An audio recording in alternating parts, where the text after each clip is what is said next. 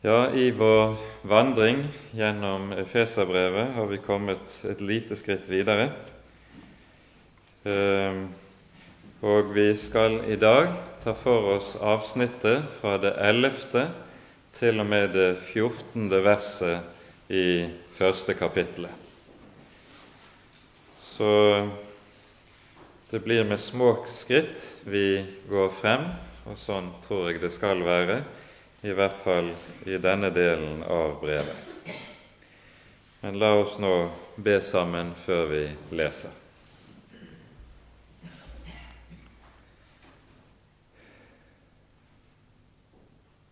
Kjære gode Herre, Hellige Far.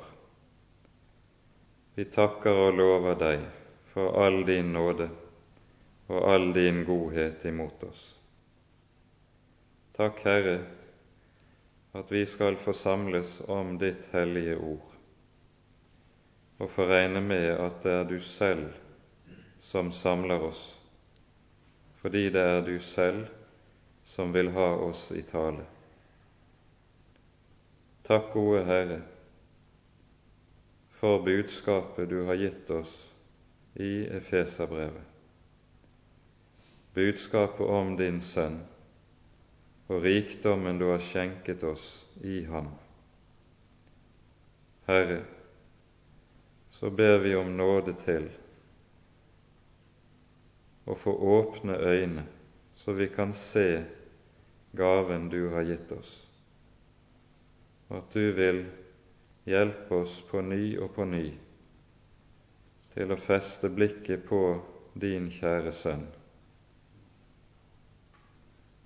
så vi også kan lære å regne med Ham, og regne med det du har skjenket oss i Ham.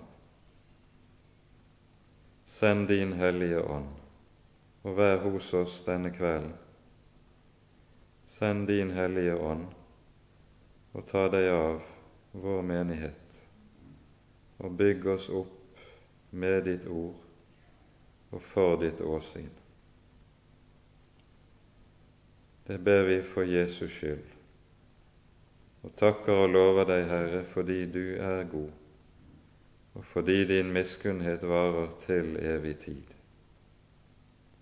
Amen.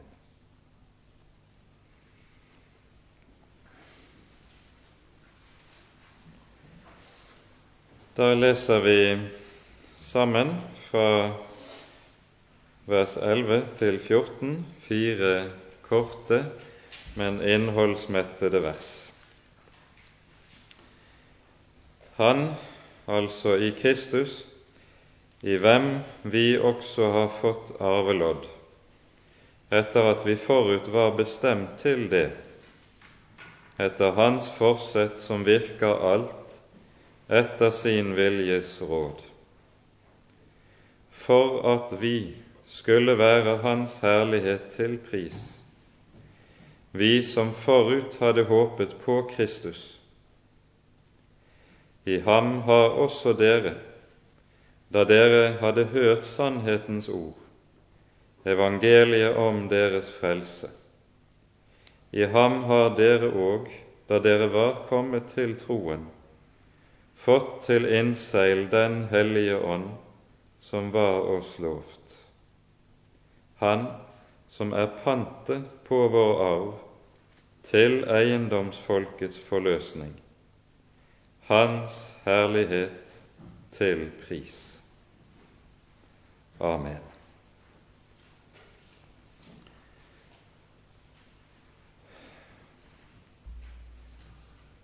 Etter at vi i foregående avsnitt hørte om hvorledes Gud etter sitt råd hadde bestemt en husholdning som vi hører om i det tiende verset i tidens fylde, at han ville samle alt til ett i Kristus. Så hører vi Paulus nå tale om hvorledes vi i ham har fått arvelodd. Og Dette ordet arvelodd som vi hører her, det er et ord som er uhyre viktig i Det gamle testamentet. For det første er det jo slik at når vi hører dette ordet brukt vanligvis i Det gamle testamentets tid, så brukes det om den del av landet som Gud ville gi hver enkelt av de tolv stammene når de etter utgangen av Egypt skulle få komme og ta landet i eie.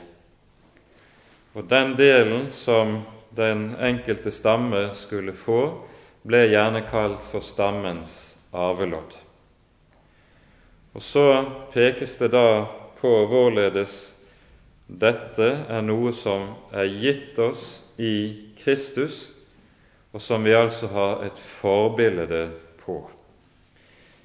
Paulus er tilbake igjen til dette i det 14. verset, der vi hører om arven til eiendomsfolkets forløsning. For den arven vi skal få, den ligger i ordets egentligste forstand foran oss som noe som vi eier i løftet. Vi er, så lenge vi er her i tiden, like som Israels folke på vei gjennom ødemarken mot det lovede land. Og Da er det betegnende at når Herren peker fremover mot landet som folket skal innta, så sies det om igjen og om igjen slik Jeg har gitt dere det til arv. Og Det sies altså allerede lenge før de overhodet har satt sin fot på landets jord. Så sies det sa, på ny og på ny Jeg har gitt dere det. Og slik sier Herren det fordi dette er noe som etter Hans råd er gitt, og derfor ligger der som var det allerede eiendommen. Men så lenge de er under vandringen, eier de dette i løftet, og så, når de har kommet over Jordan, tar de det i eie.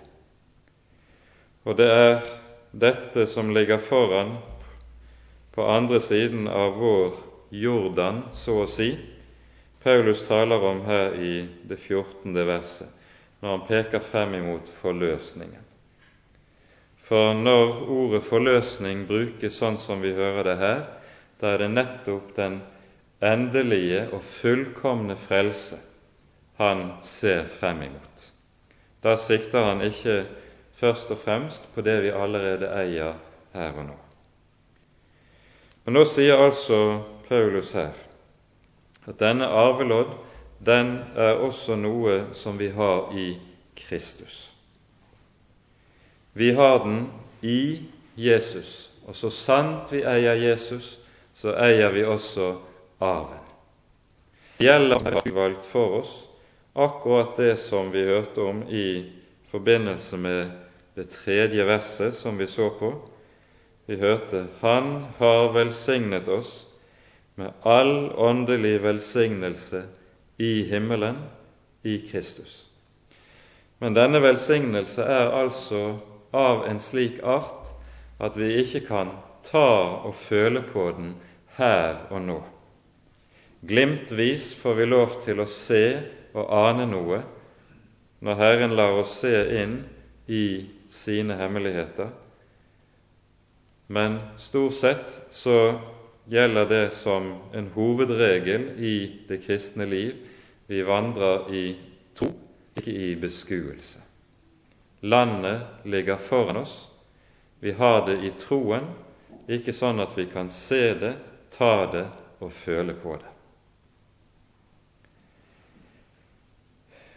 Samtidig så ligger det også en annen viktig betydning i dette ordet arvelodd som vi må peke på her, og som er angitt for oss i den 16. salmen.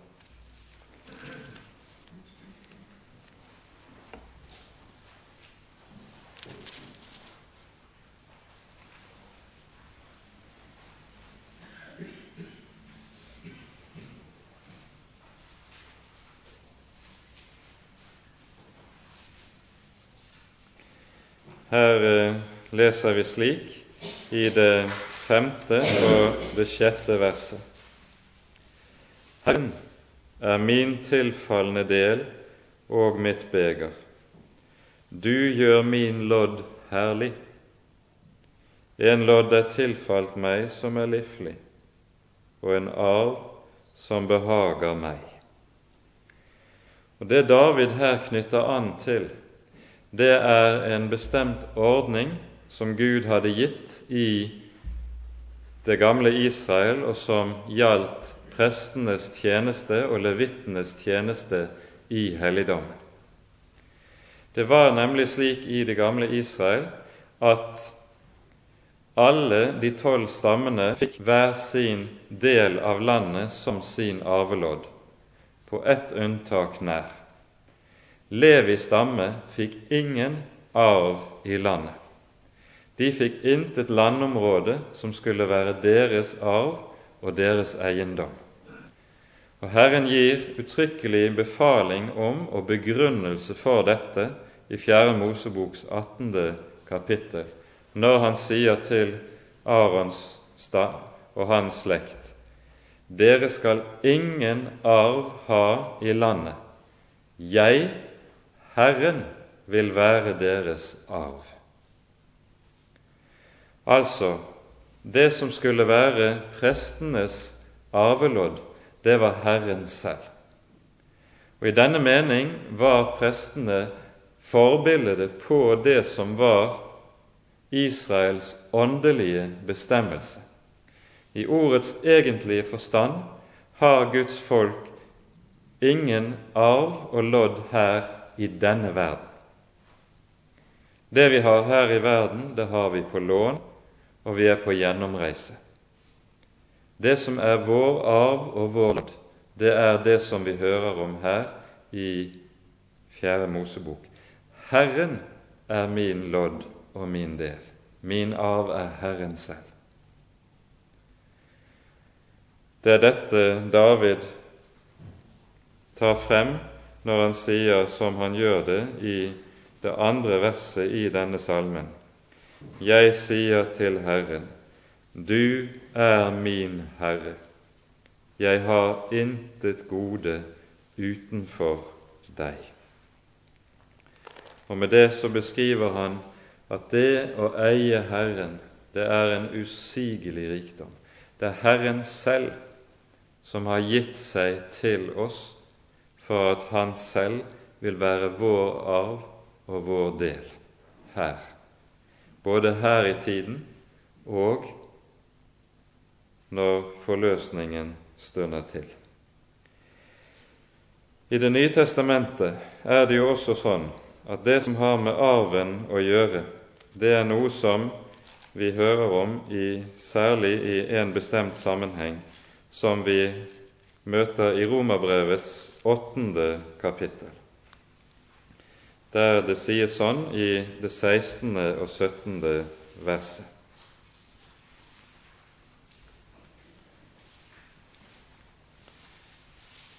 Ånden selv vitner med vår ånd at vi er Guds barn. Men er vi barn, da er vi også arvinger. Guds arvinger og Kristi medarvinger så fremt vi lider med ham for at vi også skal herliggjøres med ham. Her pekes det nærmere på hva denne arverett som Guds folk har fått del i, egentlig innebærer. Dypest sett er det nemlig slik at det er bare én eneste arving til all Guds herlighet, all Guds velsignelse og all Guds gave, det er den Herre Jesus selv. Han er, i kraft av at han er Sønnen, den som kan si, som vi hører i Matteus 11, til Faderen, så sier han alt det som Faderen har, har han gitt meg. Alt hva Faderen eier, det eier Sønnen, og alt det Sønnen eier, det har Faderen. Det er Sønnen som eier og har alle ting.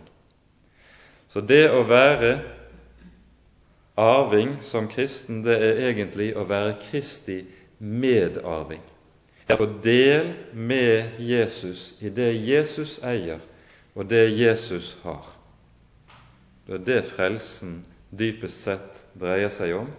Vi får det Jesus har vunnet, det Jesus har fra sin Fader. Og så er vi Kristi medarvinger. Da skjønner vi enn mer hva som ligger i det som Paulus her sa i Efeserbrevet. I ham har vi fått arvelodd.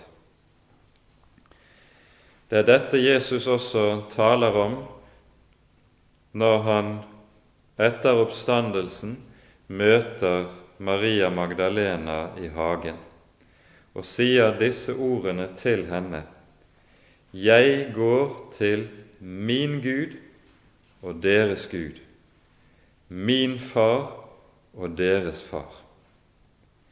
For det som er frukt av Jesu frelsesverk, hans lidelse, hans død og oppstandelse, er at det som Jesus er og har i seg selv, det gir han nå oss del i, så han kan si 'min Gud og deres Gud', 'min far og deres far'.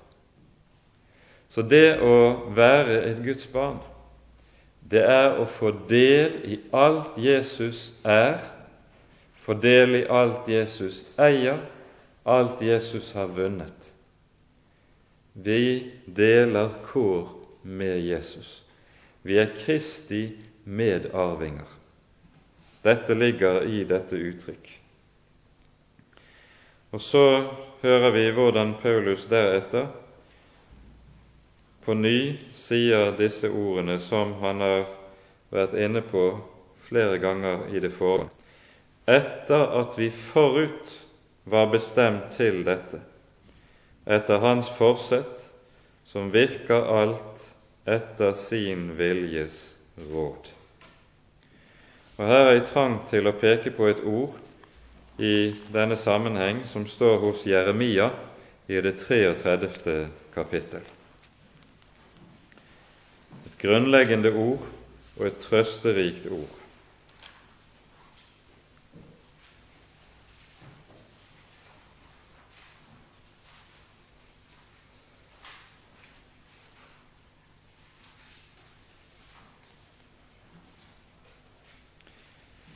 Her leser vi sånn i de tre første versene. Herrens ord kom til Jeremia annen gang mens han ennå satt fengslet i vaktgården, og det lød så. Så sier Herren, som gjør det Han vil, Herren som uttenker det for også å fullføre det, Han hvis navn er Herren. Rop til meg, og jeg vil svare deg, og jeg vil forkynne deg store og ufattelige ting ting som du ikke kjenner. Og Det som nå kommer, det er budskapet om, om løftet om utfrielse fra den dommen som nå ligger foran. Jeremia sitter fanget for sin forkynnelses skyld. Judas konge Sedekias har kastet han i brønnen. Og så står babylonerne i ferd med å innta landet. Og Jeremia har i år etter år båret frem budskap om at byen skal ødelegges, tempelet rives ned, og folket føres inn under dommen og i landflyktigheten. Nå banker dommen på døren, oppfyllelsen av ordet. Og mens denne veldige Herrens vredesdom nå er i ferd med å ramme folket, så lyder dette ord gjennom og til Jeremia. Et budskap om at det land som nå blir lagt øde, skal gjenreises. Det folk som føres bort, skal få komme tilbake. og på ny en dag skal det være glede i landet, og det skal bære frukt. Når altså dommen kommer veltende, og det ser ut som det er umulig at Guds folk i det hele tatt kan bli stående og reddes, da lyder et slikt ord. Merk det. Så sier Herren, som gjør det Han vil, som uttenker det for å fullføre det, Han hvis navn er Herren. Når Gud nemlig har sagt noe, har planlagt noe og vil noe, så gir Han aldri opp på halvveien. Da er det ikke sånn som med oss at hvis vi støter på vansker som er for store, så må vi avbryte prosjektet. Det han har uttenkt, det fullfører han i sin tid. Om det ser aldri så umulig ut menneskelig talt. Men dette var jo stadig det som var Israels anfektelse. Tenk bare på hvorledes det var med Israel under ørkenvandringen. De dro ut av Egypten med løfte om å få komme til det lovede land. Men hver dag når folket sto oppe i vansker, så nød og store og uoverstigelige problemer for sine øyne. Hvordan reagerte de da? Nå er Guds hånd for kort. Nå er det ingen mulighet lenger. Og så knurrer de mot Moses, og så knurrer de mot Herren, og så sier Gud har lurt oss, han har bare ført oss ut i ørkenen for å dø. Som om Gud skulle gi opp på halvveien. Nei, han uttenker det for også å fullføre det. Og Det er derfor han har gitt seg selv et bestemt navn i Den hellige Skrift. Han heter troens opphavsmann og fullender. Han gjør nemlig begge deler. Han begynner aldri en gjerning for å gi opp på halvveien. Han fullfører det han har begynt. Dette er det Paulus vil understreke for oss her i det ellevte verset. Etter at vi forut var bestemt til det, etter Hans forsett, som virker alt etter sin viljes råd. Og så hører vi hva dette kommer til å munne ut i. For at vi skulle være Hans herlighet til pris, vi som forut hadde håpet på Kristus. Dette er den andre gangen dette dukker opp igjen, der apostelen peker på noe av det som er hensikten med Guds utvelgelse av sitt folk, til pris for sin nådes herlighet. Her skal vi peke på Vi har vært inne på det tidligere, men det er mer å si om den sak. Og vi skal peke på et par grunnleggende ting. Først må vi slå opp i 5. Moseboks 26. kapittel.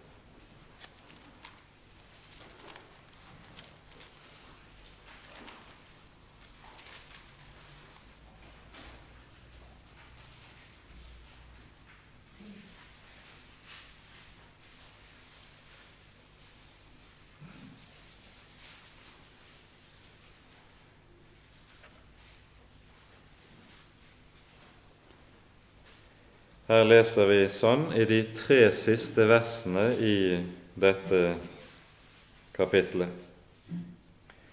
Du har i dag gitt Herren ditt ord, at Han skal være din Gud, og at du vil vandre på Hans veier og ta vare på Hans lover og Hans bud og Hans forskrifter og lyde Hans røst. Og Herren har i dag gitt deg sitt ord, at du skal være hans eiendomsfolk, således som han har sagt til deg, og at han, dersom du holder hans bud, vil heve deg høyt over alle de folk han har skapt, til pris og til ry og til pryd, og at du skal være et hellig folk for Herren din Gud, således som Han har sagt.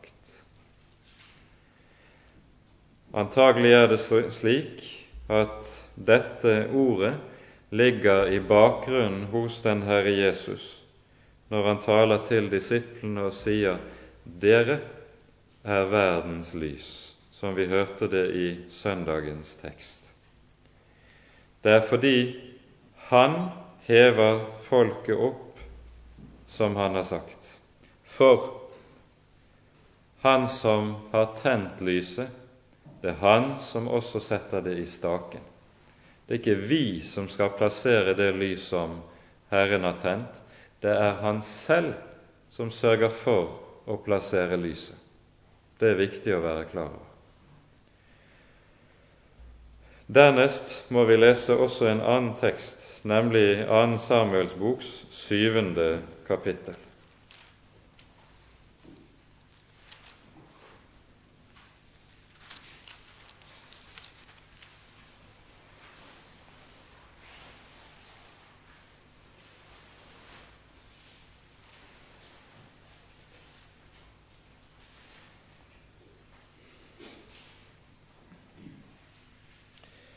Her i det syvende kapittelet er det vi hører profeten Natans forgjettelse til David om at det er i hans hus, i hans slekt, Messias en gang skal fødes. Han som skal være Guds sønn, han som skal være konge i Guds folk til evig tid, han som skal bygge Herrens helligdom. Og Så leser vi slik i Davids takkebønn, som kommer etterpå, som er en av de mest hjertegripende bønnene vi finner i Det gamle testamentet. Vi leser fra vers 20. Hva skal så David mere si til deg? Du kjenner jo din tjener, Herre, Herre. For ditt ords skyld og etter ditt hjerte har du gjort alt dette store og forkynt det for din tjener. Derfor er du stor, Herre Gud.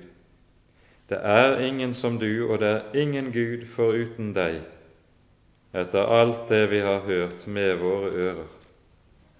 Og hvor er det på jorden ett eneste folk, som ditt folk, som Israel, et folk som Gud kom og fridde ut så det skulle være hans eget folk, for å gjøre seg et navn og for å gjøre alt dette store for dere, og forferdelige gjerninger for ditt land, for ditt folks skyld, som du fridde ut av Egypten, fra hedningefolk og deres guder. Altså, her hører vi om hvorledes Herren har gjort sin gjerning med folket. Og når denne gjerning når sitt mål, når Messias kommer, så fullbyrdes i ordets mest egentlige forstand dette at han frir seg ut et folk så det skal være hans eget folk, for å gjøre seg et navn. Altså ved at Gud tar ut et folk for sitt navns skyld, så blir dette folk til pris og til lov og til ære for Herren. Det er altså en Guds gjerning som skjer i dette, ved at det er et folk som er hans eiendom her i verden. Så vinner Herren seg et navn. Med dette så tror jeg vi skal peke på et par andre sentrale ord også i Det gamle testamentet til samme sak. Først den 145. salme.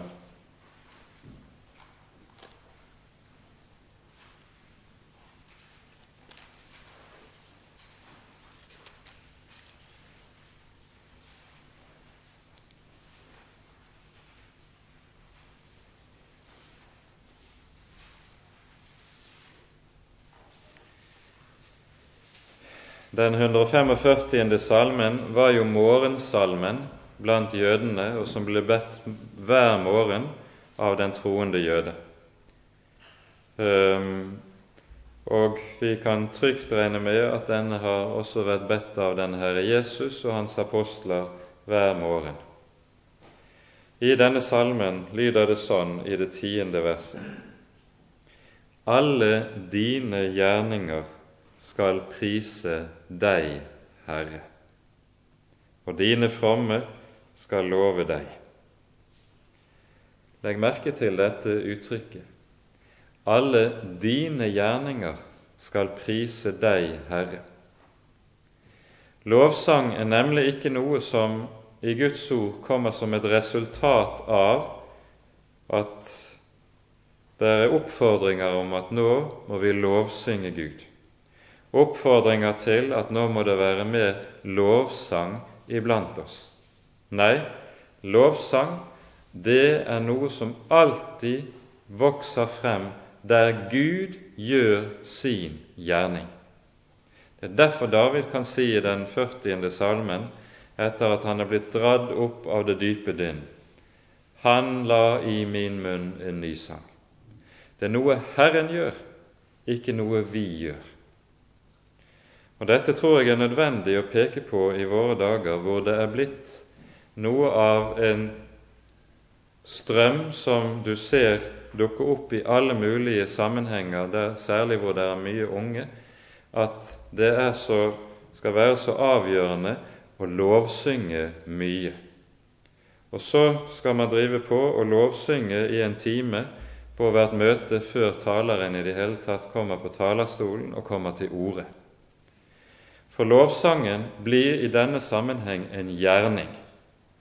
En gjerning hvor man skal for det første komme i den rette stemning til å For det andre blir lovsangen, etter den tankegang som ofte ligger bak dette, et veldig viktig ledd i åndskampen. Ved å synge lovsanger slik, så jager en djevelen på flukt, og så blir den gode Hellige Ånd hjulpet i sin gjerning. Lovsang blir en gjerning, et nytt form for menneskeverk, i stedet for, de, for det det etter Guds ord er satt til å være, som vi her hører det. Alle dine gjerninger priser deg, Herre. Det er Guds gjerninger som så å si møter sin gjenklang gjennom lovsangen. Derfor skal vi ha en viss avstand til den måte å tenke på der lovsang gjøres til nye, gode gjerninger som man enten som enkeltmenneske eller som menigheter tar på seg og skal gjøre. Det er bare en ny form for gjerningshellighet som ligger bakom dette. Dette tror jeg er viktig å være klar over i våre dager. Et annet vers som hører med i denne sammenheng, er det vi hører i profeten Jesajas 43. kapittel.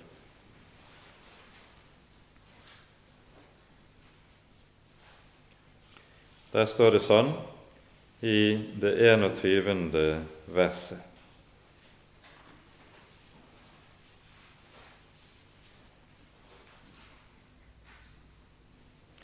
Det folk jeg har dannet meg, skal forkynne min pris. I Bibelen brukes det to ulike ord, eller i hovedsak to ulike ord, for Guds skapergjerning. Den første ordet som brukes, er det ordet som betyr å frembringe av intet. Og Det ordet brukes ganske ofte om hvorledes Herren skaper og danner seg sitt folk. Det vil si, han skaper et folk, frembringer det så å si av intet. Og Så har du et annet ord, det er det som brukes her i vers 21 hos Jesaja, som betyr å danne. Og Det brukes gjerne, eller opprinnelig, om pottemakeren som former leiren i sin hånd på dreieskiven. Da er det altså allerede et materiale for hånden som formes og dannes. Og nettopp det er Guds måte å virke på. Etter at Han har skapt og dannet seg sine barn og sitt folk, så er ikke så å si Guds arbeid ferdig med det. Nei, han fortsetter å virke og arbeide i sine barn med denne dannelsesgjerning. Og så danner og former han leirkarene etter sin vilje.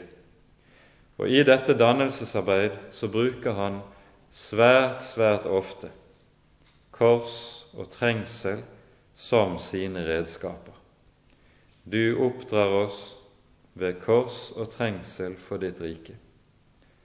Og da skal vi legge merke til det som står det folk som jeg har dannet meg, skal forkynne min pris.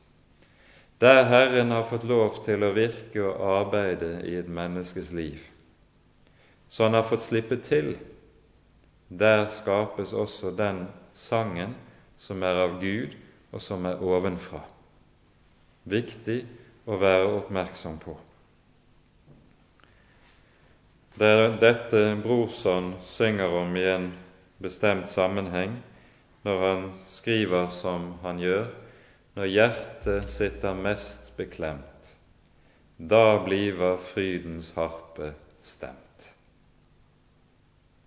Dette er den bibelske tankegang i dette. Når dette understrekes så sterkt her, så er det fordi det jo er en hovedsak i Den hellige Skrift at i Guds rike er det så at Herren er alene om verket. Og fordi Han er alene om verket, derfor er Han også alene om æren. De to tingene henger jo på det aller nøyeste sammen. Jesus hadde ikke hjelp av noen da han gjorde sitt verk. Alene var han om det. Og slik er det også når det gjelder alt som godt er i våre liv. Så må vi den dagen vi ser tilbake, så må vi si ikke oss, Herre, ikke oss, men ditt navn gi du ære for din miskunnhets og din trofasthets skyld.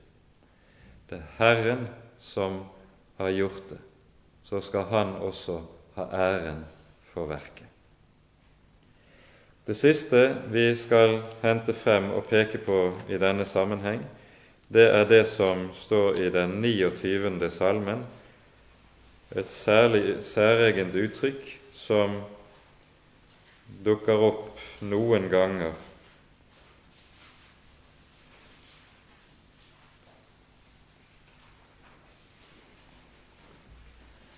Her står det sånn i det andre verset.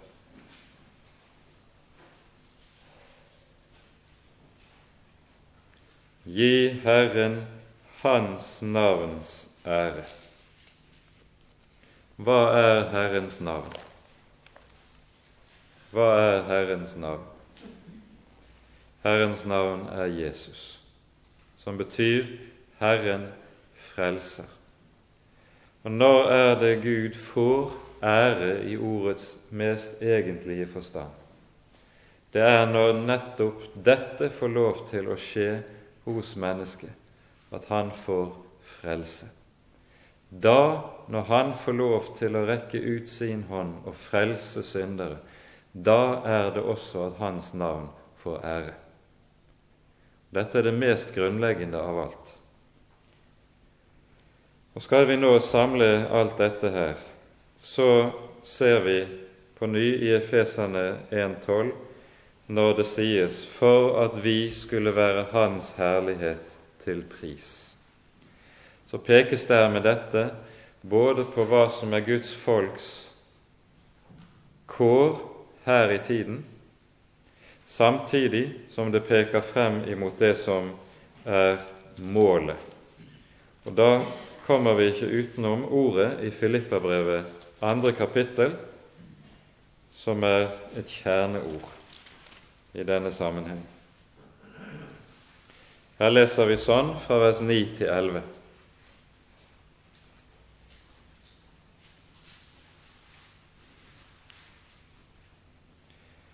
Derfor har Gud høyt opphøyet ham, Jesus altså, og gitt ham det navn som er over alt navn, så at i Jesu navn skal hvert kne bøye seg, dere som er i himmelen, på jorden og under jorden, og hver tunge bekjenne at Jesus Kristus er Herre, til Gud Faders ære.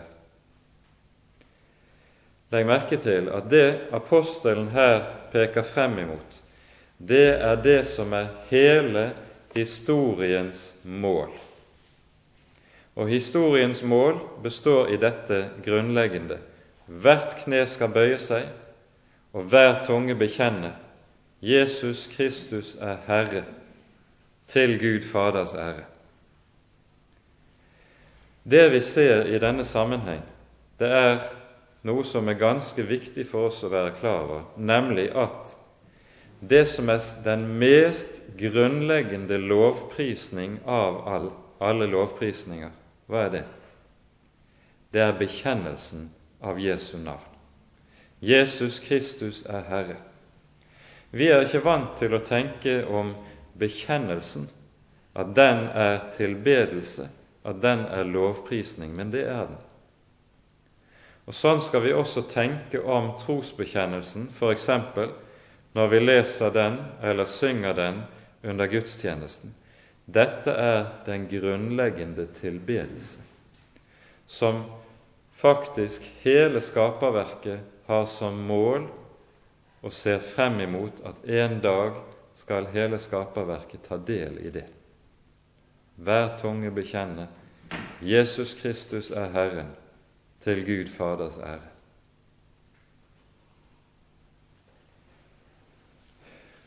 Vi går videre til det trettende verset. Og Her peker apostelen så på en ny sak som er uhyre grunnleggende.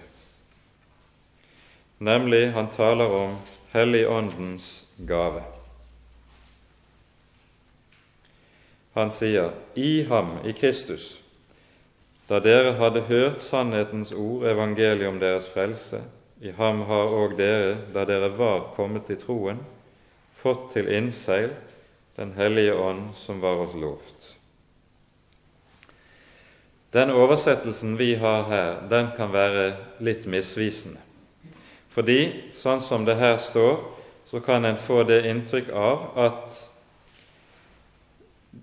det er en bestemt rekkefølge i dette at først hører man sannhetens ord, så kommer en til troen, og så deretter, i siste omgang, får en Den hellige ånd. Det er ikke det som ligger i teksten som står her. I grunnteksten står det noe annerledes som er vanskelig å oversette riktig for, på norsk. Men det står partisippformer som gir til kjenne og det hadde vært bedre kanskje om vi omsatte det sånn som dette, selv om det lyder tyngre. I ham har også, i det dere hører sannhetens ord, i det dere kom til troen, fikk dere eller mottok dere Ånden. Poenget her er Ånden kommer med hørelsen av Ordet, ikke adskilt fra hørelsen av Ordet. Ånden kommer sammen med troen. Det er det som er poenget i det vi her hører. Og Her er vi på ny borti noe som jo er litt av et problem i våre dager, hvor nettopp disse ting adskilles. Først må en høre Guds ord, så må man bestemme seg for at man vil tro på Jesus, og så kan en etterpå på en eller annen motta Den hellige ånd. Og så blir Åndens gave likesom mottas enten i form av en åndsdåp som kommer senere, eller på andre måter, slik en kan møte det i mye forkynnelse i våre dager. Slik er det ikke. Sånn tenker ikke Bibelen. Bibelen tenker tvert om meget tydelig sånn at Ånden kommer i og med forkynnelsen av Ordet. og kommer aldri utenom eller uavhengig av Ordet. Ånden kommer med Ordet. Det er poenget. Og Vi minner ganske særlig om teksten i Galaterbrevets tredje kapittel, de første versene i dette kapittelet.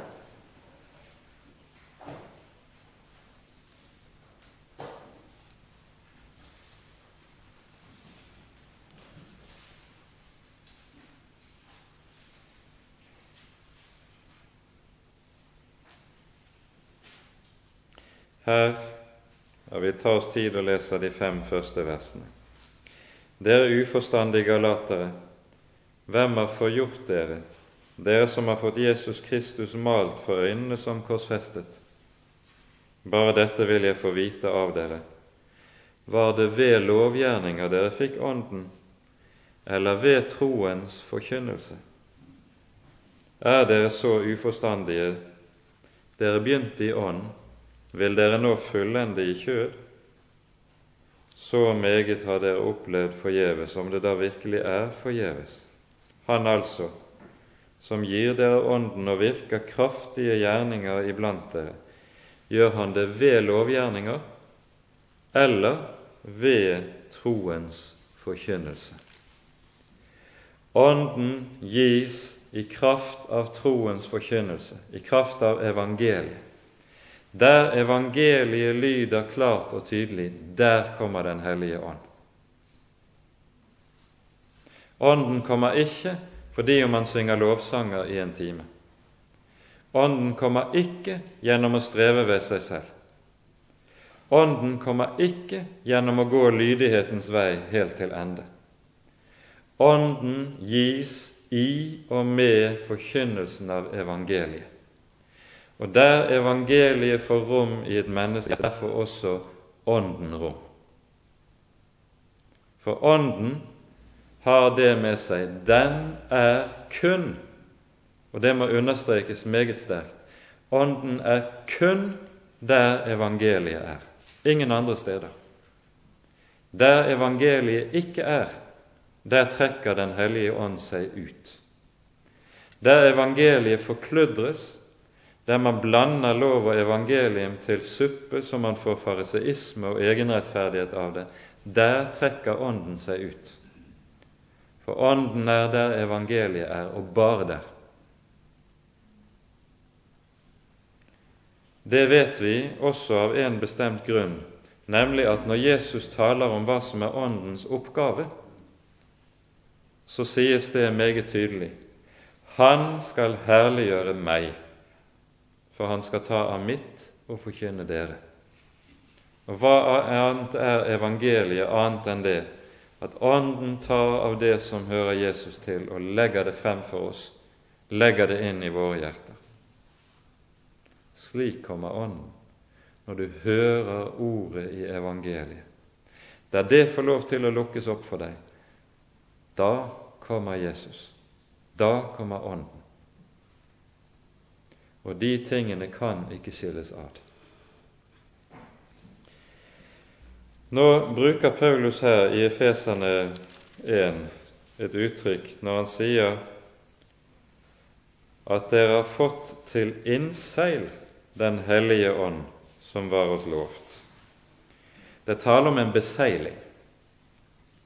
Og Det som var seilets rolle i oldtiden, det var at dersom det var et seil på en gjenstand, så fortalte det seilet hvem gjenstanden tilhørte. Seilet spilte samme rolle når det gjaldt gjenstander, eller hus for den saks skyld, som bumerket gjør det på dyrene. Du setter et bumerke i øret på sauen, og så vet du hvem som eier sauen. Slik er Ånden gitt som så å si Guds bumerke på hans folk, som sier 'Han er min eiendom'. Dette er mitt barn, ingen annens. Og den som hører meg til, og som er mitt barn, han tar jeg meg av. Ånden er altså gitt som et slikt seil som, og som et merke som sier hvem vi hører til. Vi hører Jesus til. Og Derfor er det også sånn at Ånden og korsmerket hører så uløselig sammen. For Ånden bærer jo korset med seg. Og Derfor tror jeg også at det som er det gammeltestamentlige forbildet på denne beseiling som vi her hører, det er vi, det vi hører om hos profeten Esekiel i det niende kapittelet.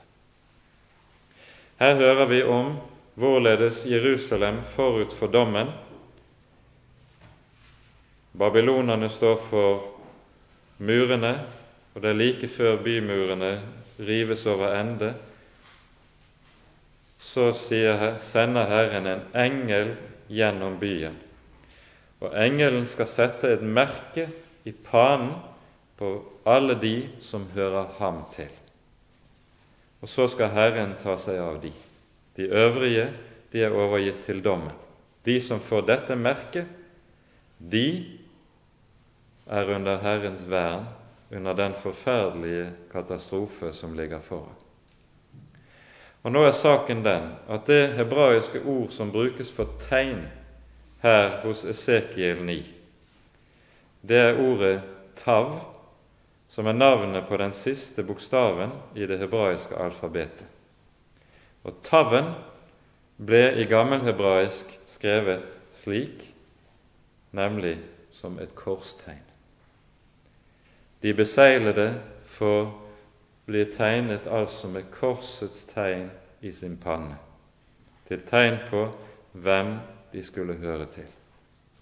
Slik er det også at Ånden er gitt som seil på hvert menneske som har korsets tegn i sitt hjerte og som hører Jesus til. Det er det som ligger i det. Og det er jo dette som ligger bakom den skikk vi har når vi døper våre barn, så tegner vi dem med korsets tegn. Det sier hvem barnet skal tilhøre. Og det er dette som fra gammelt av har vært skikken også i den kristne kirke. En gjorde korsets tegn om morgenen når en sto opp, om kvelden før en la seg, eller ved andre ulike anledninger for å gi til kjenne én ting jeg hører ham til som hang på treet. Jeg er beseglet.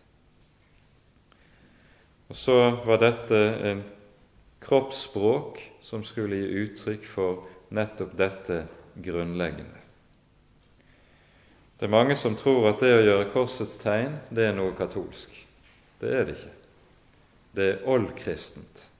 Og Faktisk sier også Martin Luther i Lille katekisme at når du står opp og ber morgenbønnen om morgenen, skal du først gjøre korsets tegn før du ber Fader vår og leser trosbekjennelsen. Det skulle være en kristen morgenbønn. Det hører vi ikke så ofte, men det hører altså med til også vår evangelisk-lutherske arv. Det er ikke farlig å gjøre korsets tegn. Men det var nå en liten digresjon. Vi har fått til innseil Den hellige ånd, som var oss lovt. Og så sies det til slutt Han som er pantet på vår arv, til eiendomsfolkets forløsning, Hans herlighet til pris. Her kalles Ånden for et pant. Det uttrykk, det som ligger bakom det, det er et ord som var hentet fra handelsspråket. Når noen hadde inngått en handelsavtale, så ble det gjerne i den skriftlige avtalen også gjort avtale om et pant. Og pantet var en forhåndsbetaling for varen som skulle være en garanti for at hele beløpet ble betalt når varen var mottatt. Dette pantet er altså Den hellige ånd. Den hellige ånd er en Guds forsmak, en Guds forhåndsgave, en Guds garanti til sine barn om nå har vi fått pantet, som så å si Guds seil på og garanti på at resten kommer. Fylden, herligheten kommer også den dagen vi når målet hjemme hos Gud. Derfor er det også sånn at dette ordet som ligger bak i grunnteksten, det brukes i dagens gresk rett og slett som navn på forlovelsesringen. Ikke gifteringen, men forlovelsesringen er en sånn pant.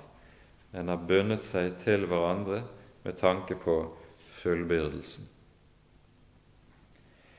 Ånden er altså et slikt pant som gir oss løfte om det som kommer.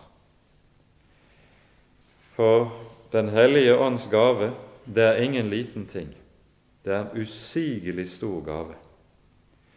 For ved å eie Den hellige ånds gave, så er det jo slik at dermed så har vi også en av den treenige Guds personer boende i vårt eget hjerte. Kan noe være større? Og når Han bor der, så har også sammen med ham de andre to personer i treenigheten flyttet inn med. Det er dette Jesus taler om når han i Johannesevangeliets 16. kapittel sier som, han, som følger Jeg sier dere sannheten. Det er til gagn for dere at jeg går bort.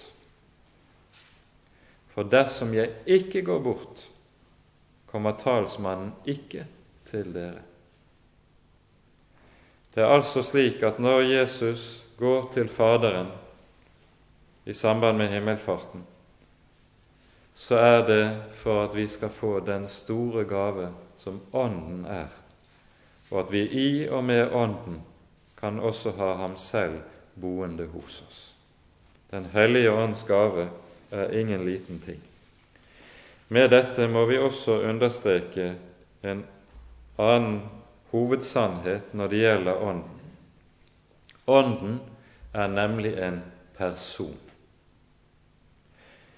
Altfor ofte tales det i våre dager om Den hellige ånd kun som en kraft, og så omtales Ånden i upersonlige vendinger som den. Det skal vi vokte oss for. For Ånden er en person i Gud og skal derfor omtales også ved hjelp av personlig pronomen som Han. For å unngå det som altfor ofte er en feil, og som er noe av en vranglære i våre dager, der Ånden reduseres kun til å være kraft. For det er han ikke. Han er person. Og Derfor er det også sånn at når Han bor i oss, så står vi i og ved ham i personfellesskap med den levende Gud. Det er saken.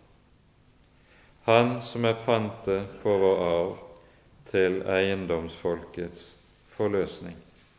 Hans herlighet til pris. Når Gud har satt sitt merke på oss, du er min, så er det for med det også å gi oss det store løftet. Det som mitt er, vil jeg sørge for å ta vare på.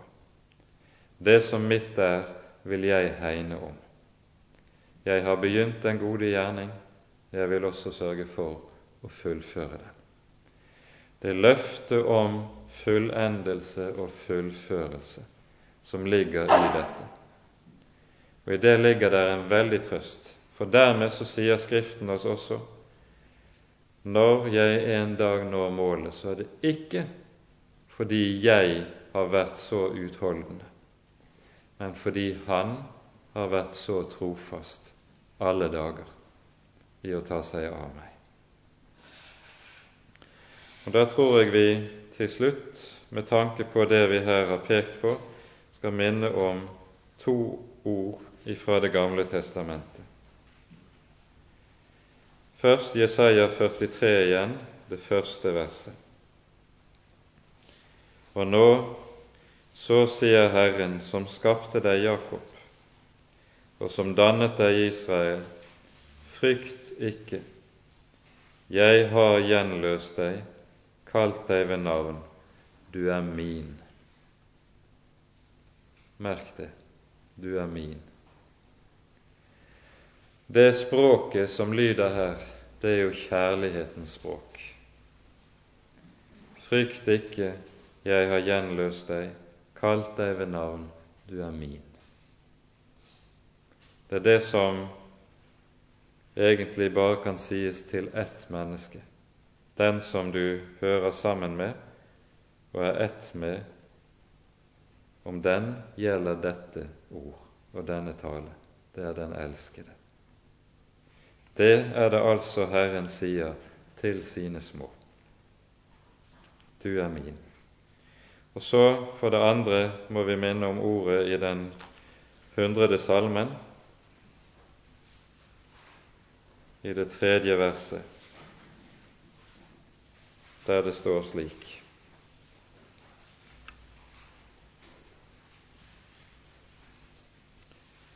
Kjenn at Herren er Gud. Han har skapt oss, og ikke vi selv til sitt folk og den jord han før. Han leder. Han våker over. Det ordet som står når det står 'den jord han før', det er et ord som etter grunnteksten eh, brukes som hyrdens gjerning for sauene. Som han er hyrde for, om vi skulle omskrevet. Han har skapt oss, og ikke vi selv, til sitt folk og den jord han tar seg av. Det er å være et Herrens barn. Det er å være rik i Kristus. Amen. Ære være Faderen og Sønnen og Den hellige ånd, som var og er og være skal en sann Gud, høylovet i evighet. Amen.